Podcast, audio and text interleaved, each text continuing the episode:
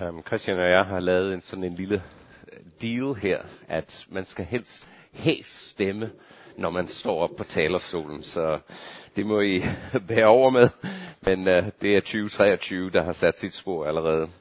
Men um, tak Gud, at vi er her, og, um, og um, kan også sætte os sammen med os, der er her, og så jer, der er i, um, på streaming.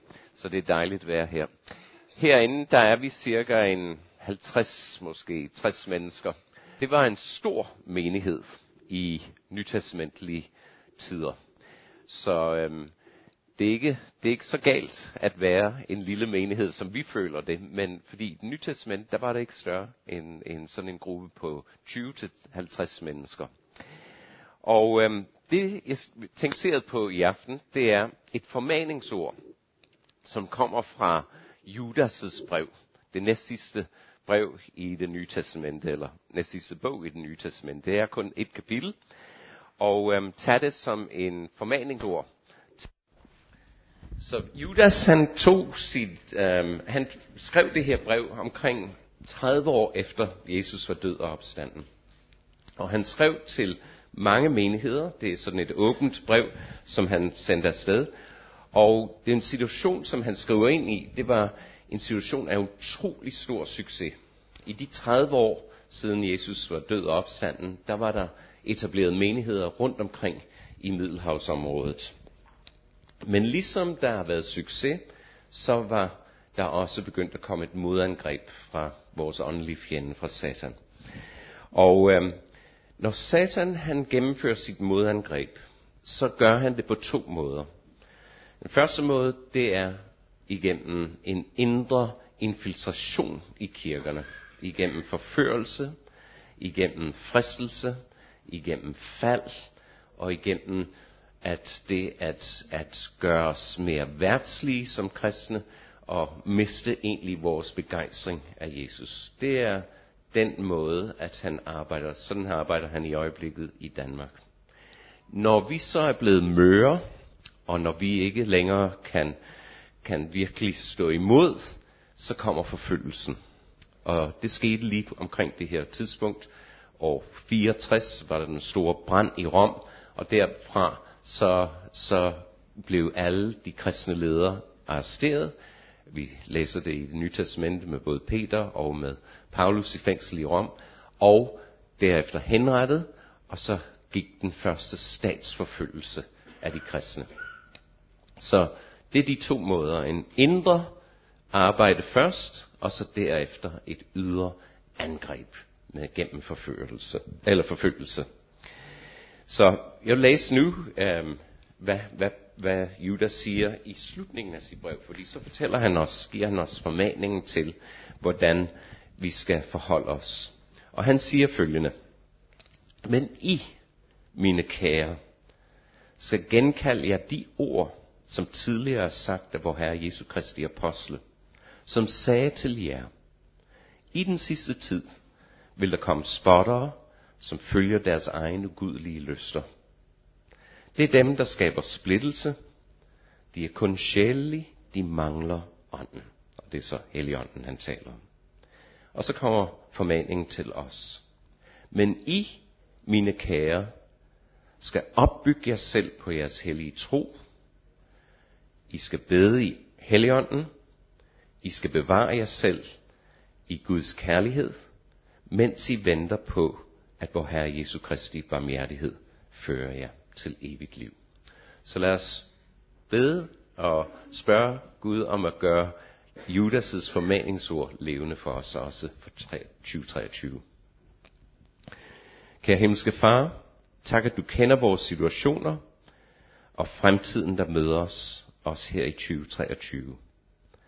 Tak at du igennem dit ord forklarer os, hvordan vi skal følge dig igennem udfordringer på vores pilgrimsrejse. Tak at du altid er med os, og at du stiller dine mægtige ressourcer til rådighed for os i den kamp, vi skal kæmpe. Tak at igennem og med dig vil vores krig være sejrig. Amen. I dag i Europa er der krig. Det sagde dronningen jo også meget klart i går, hvis vi hørte på hendes tale. Og den her krig, den udfordrer alle vores demokratiske og værdibaserede tilgang til tilværelsen, som vi har kendt den, i hvert fald i min tid. Og den er udfordret. Og for ukrainerne er det en overlevelseskamp. I denne kamp, som de er i, der bliver de støttet af os allierede, der støtter dem i den her kamp. Og at de har hele tiden den her usikkerhed, om vi vil fortsat støtte dem i deres kamp. Så der er den der usikkerhed over den krig, som de fører. Der er lighedspunkter mellem den fysiske kamp og den åndelige kamp, som kristen står i. Der er ligheder, som for eksempel, at det er en overlevelseskamp mod en ufattelig overmagt. En, der er langt, langt stærkere end dig og mig og os sammen. Det står vi overfor. Det er også det, ukrainerne står overfor. Det er en kamp, hvor der kan være store omkostninger. Både omkostninger materielt, men også moralsk, og også åndelig tab vil være i den her kamp. Og der er både en ydre og en indre fjende, som vi skal forholde os til. Og krigen kan være langvarig, men den vil også få en anden en dag. Men for ukrainerne ved vi ikke, hvem der bliver sejrherren til sidst. Så det er jo lighederne. Ulighederne, det er, at den åndelige kamp er ikke fysisk, selvom den bliver gennemført i den fysiske verden, hvor vi lever. Men der er ingen tvivl i den åndelige kamp om, at vores mægtige allierede, Jesus Kristus, ikke vil støtte os i vores kamp. Han vil forblive en sand allieret, en sand partner til at styrke os i vores kamp. Og i den åndelige kamp, som den kristne åndelige kamp, er der heller ikke nogen tvivl om udfaldet. Udfaldet, det er, at Jesus Kristus en dag vil sejre. Og hvis du tilhører ham, så vil du også sejre sammen med ham. Når man fører krig, så er det krigsførerens opgave at planlægge og tilrettelægge, og så styre kampen, som man går ind i. Og lige inden en kampindsættelse sker det ofte, at føreren kommer til sine, sine folk, og så gennemfører han en kampformaning. Mange af jer har set det på film, hvordan den her store general stiller sig op og giver den det her øhm, opbyggende tale til sit folk.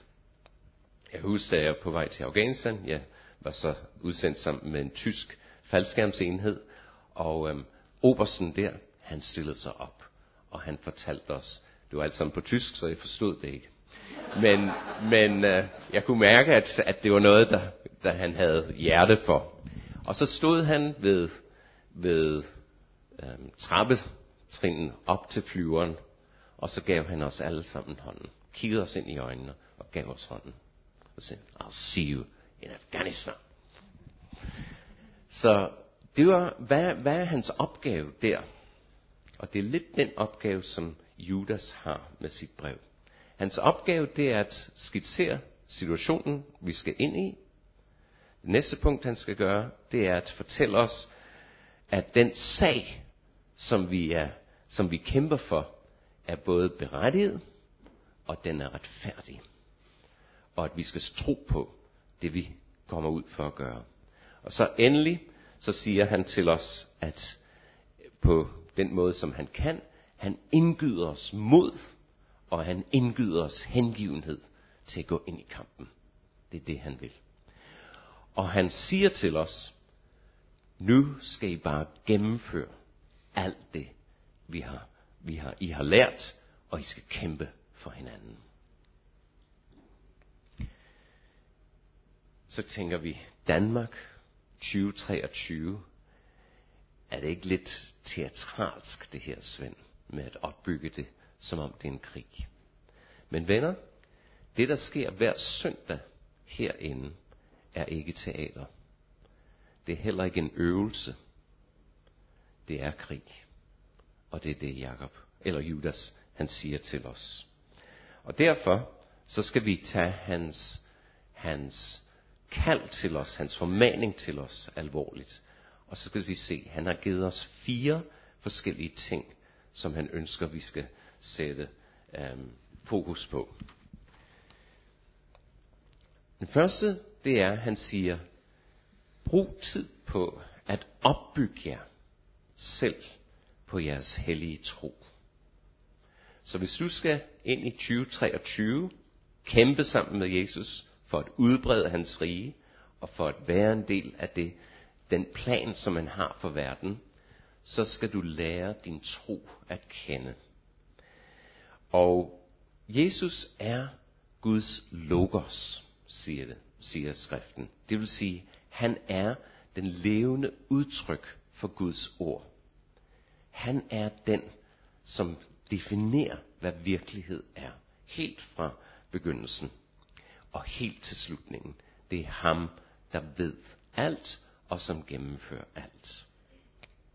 Derefter så siger Jesus selv, at Bibelen, det er sandhed.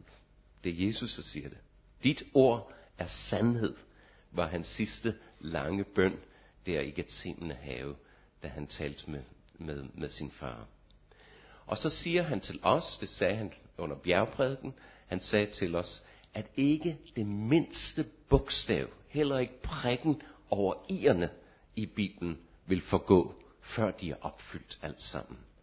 Så Jesus står ved sit ord, og det er det ord, der fortæller os om, hvem Gud er, om hvad hans planer er for verden, om hvordan Jesus har formået at frelse os, og hvordan han, han gennemgribende vil gå ind og hjælpe os i vores livssituation, og hvordan vores livsfølelse skal være. Så vi behøver ikke være i tvivl om Bibelens troværdighed. Og det er det, Judas siger. Opbyg jer i jeres hellige tro.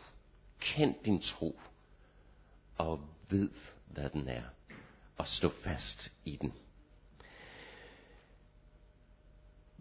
Der er ting, der er skrevet i Bibelen, som mange af mine venner synes er bare fabler og nogle idéer. Jesu jomfrufødsel, Jesu mirakler, Jesu øhm, opstandelse fra de døde. De tror ikke på det, og de tror ikke, det kan lade sig gøre, fordi det bryder naturlovene. Men Gud har bevidst brudt naturlovene en gang imellem, for at vise, hvem han er, og for at gennemføre sin frelsesplan i verden. Og så bryder han naturlovene. Og sandhed, siger Bibelen, er ikke bare kun en subjektiv sandhed. Så du som kristen siger, jamen jeg føler det her er sandt. Sandhed er også objektivt. Jesus gik på den her jord. Han satte fodspor i sandet i Galilea. Han er virkelig, og han findes. Så det er ikke kun fordi jeg føler det er sandt, at det er sandt. Det er sandt. Og hvis du har nogen tvivl om din, om din tro, om det er egentlig sandt, så kom til vores lille kursus, som begynder på onsdag og følger resten af måneden, som hedder Opdag Tro. Og det er også til jer, som sidder derhjemme, hvis I har spørgsmål om det her, så stiller vi, stil spørgsmålene, og så kan vi tænke det igennem. Men kend din tro. Det er det, som Judas siger til os. Og opbyg dig selv i den. Næste ting. Det næste, han siger, det er, at bed i Helligånden. I skal bede i Helligånden. Og hvad betyder det at bede i Helligånden? Jamen jeg tror, det betyder dette, at vi skal, når vi beder, lade os inspirere af Helligånden. Og lade os være sådan vejledt, når vi beder. Og lade, ham, lade os igennem det, lade ham arbejde igennem os. Det er det, jeg tror, det er at bede i ånden. Og hvis vi vil lære at bede i ånden, så er det meget nemt. Man skal bare begynde med at sige, at Gud, jeg har brug for din hjælp. Det her kan jeg ikke selv. Vil du ikke hjælpe mig til at bede? Og vis mig, hvordan jeg beder i overensstemmelse med dig. Der begynder vi. Og der kan vi alle sammen begynde. Derefter, så kan du sige, Gud, jeg tror på, du er så stor og almægtig, at du kan bruge selv sådan en som mig. Og at du kan bruge mig til at bede. Og for det tredje, så når vi er indstillet os over for Gud på den måde, så kan vi lytte til, hvad ånden siger til os. Jeg har en ven, som måske bliver indlagt på hospitalet i, i aften, i en meget, meget kritisk situation. Og på vejen herover, da jeg tog toget, så, så tænkte jeg, Gud, hvordan kan jeg bede for ham? Og så i stedet for bare at buse ind, så tænkte jeg på, lad mig, lad mig høre, hvad du siger. Og på den måde kan vi hjælpe os selv til at være stille og mere opmærksom på, hvad er det, hvad er det egentlig, at Helligånden ønsker at bede omkring det her og det her. Og derved så følge det. Og hvis vi gør det, og når vi gør det, så er det, at Guds ånd virker igennem vores bøn til at forvandle den situation. Jeg var nede til forbøn her lige før jul, sammen med to venner, som er herinde i dag, for at bede om en situation, der vil ske hjemme hos mig og min familie. Vi var to kristne til juleaften, to buddhister og to ateister. Så det var en udfordring. Og så tænkte jeg, det har jeg slet ikke styr på det der. Så jeg gik ned til forbundsteamet dernede, og der var det Arne og Bitten, og de bad for mig. Og det gik fantastisk godt. Vi fik anledninger til at dele sammen. Og det er det, som Judas siger. Du er ikke alene. Gud er med dig. Gud ønsker at bruge din bøn til at nå ud og ind, og derved være sammen med Gud, en medarbejder med Gud, til at fremme hans rige på den åndelige plan. Den tredje ting, som Judas siger til os, det er, bevar jer selv i Guds kærlighed. Vi tror, eller som kristne tror vi, fordi det står i ordet, at når vi bliver en genfødt kristen, så holder Gud fast i os. Jesus siger det så stærkt, og ofte et af de vers, jeg mest læser, når jeg kommer på plejehjemmene, um, så er det, jeg læser det her vers fra Johannes 10, 28 og videre, hvor der står, Jesus siger det her. Ingen skal, ingen kan rive dem ud af min hånd og min faders hånd. Ingen skal, ingen kan. Gud holder fast i dig, når du har overgivet dit liv til ham. Men hvad mener Judas så med, at han siger til os, bevar jer selv i Guds kærlighed? Er det ikke det, Gud gør? Han bevarer mig i hans kærlighed. Det gør han. Men det Judas mener her, det er, plej dit forhold til Gud. Plej det. Ligesom den her mand eller kvinde, som har det her lys inde i sine hænder der. Han, og hun værner om det, således det ikke går ud. Sådan skal du og jeg pleje vores forhold til Gud.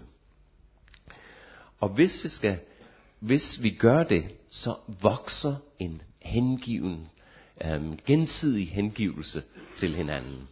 Og vi har det sådan, at når vi gør det, ligesom i et hver kærlighedsforhold, så nyder vi at være sammen med hinanden. Og sådan er det også med Gud. Og han nyder at være sammen med dig, hans barn. Derudover så bruger vi tid sammen. Vi taler med hinanden. Vi lytter til hinanden. Og det gør vi igennem bønden og Guds ord, at vi fornemmer, hvad det er Gud, hvem Gud er, og hvad hans vilje er for vores liv. Og endeligt så er det, at vi i det forhold til Gud forsøger at komme i harmoni med ham. Jeg bekender min synd. Jeg frelægger mig de ting, som jeg ved ikke ærer ham, og som gør ham ked af det. Og på den måde, så bliver jeg bevaret i min kærlighed til ham. Og dette leder så til Judas' sidste anvisning til os. Sidste han sagde, det er at vent på vor Herre Jesus Kristus. Og Judas siger, vent på, at han fører dig til sin evige herlighed. Og det som jeg kom til at tænke på her, det var, at Samuel Bramming, han talte til os her i begyndelsen af advent, om de tre forskellige kommer, eller det at komme, at Jesus kommer. Den ene var, at han kom. Han kom som et barn, født af Jomfru Maria, ind i verden. For at leve sammen med os. For at kende menneskelivets tilværelse. Og for at derved gå ind og blive offer for mennesket, for alt den synd, som vi havde gjort. Han kom for at frelse os fortabte. Men, sagde Sam, han kommer også igen en dag. Og der bliver det ikke som et lille svagt barn. Der kommer han som en mægtig krigerkonge for at udrydde ondskab for altid og indføre Guds rige.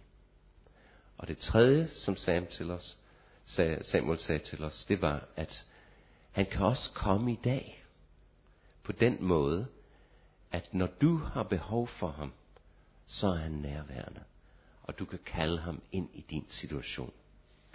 Der er nogen i vores menighed, som måske ikke lever hele det her år ud. For dem, der er det her så afgørende vigtigt, at Jesus kommer for at tage dem hjem til sig. Men for os, der bliver her, og skal fortsat kæmpe i den her verden, hvor det måske at bliver mere og mere mørkt og mere og mere vanskeligt at være en kristen, så ved vi, at Jesus vil komme en dag og afslutte det her. Det er det håb, vores trosøskende i Nordkorea har i aften. Og så er der i den her kamp, den her endnu mere, en anden, en tredje komme, hvor vi kan sige til Gud, du kender min tilværelse, du kender den situation, jeg er i, vil du ikke komme og hjælpe mig? Og hvis ikke du kan det selv, så søg fat i en, som kan hjælpe dig med det. Så lad os slutte med at slutte med de ord, som, øhm, som Judas så slutter sit brev med. Og det vil jeg gerne læse. Og det er et ord, vi ofte slutter vores gudstjeneste med. Men prøv at lytte til de her ord. Og måske, når du går hjem i den næste uge, så tænk over de her ord. Og mediter over dem. Og bed dem tilbage til Gud. Hvad er det, du siger til mig? Hvordan det her ord kan være mit ord for 2023. Judas siger, ham som formår at værne jer fra fald og stille jer over for sin herlighed, uden fejl og fuld af jubel. Den eneste sande Gud ved vor Herre Jesus Kristus. Ham være ære og majestæt, magt og myndighed, før tidens begyndelse og i al evighed. Amen. Og jeg prøvede at meditere på de her fire ord, hvor han siger her, ære, hvad betyder det Gud? Og så begynder at bede det tilbage til Gud for at finde ud af, hvad det betyder for mig. Majestæt, hvem er det, der er konge i din tilværelse, Svend? Magt, hvem kan ændre ved den tilstand, du står overfor? Myndighed, autoriteten til at styre alle ting. Skal vi ikke sammen? Himmelske Far, hvor Herre Jesus Kristus, tak at du er med os. Tak at du har udrustet os til at kæmpe den åndelige kamp her i 2023. Både den indre kamp, hvor vi bliver gjort møre, og den ydre kamp, når folk står imod os. Tak at du vil hjælpe os til at blive opbygget i vores tro. Tak at du vil hjælpe os til at lære mere og mere at bede i ånden.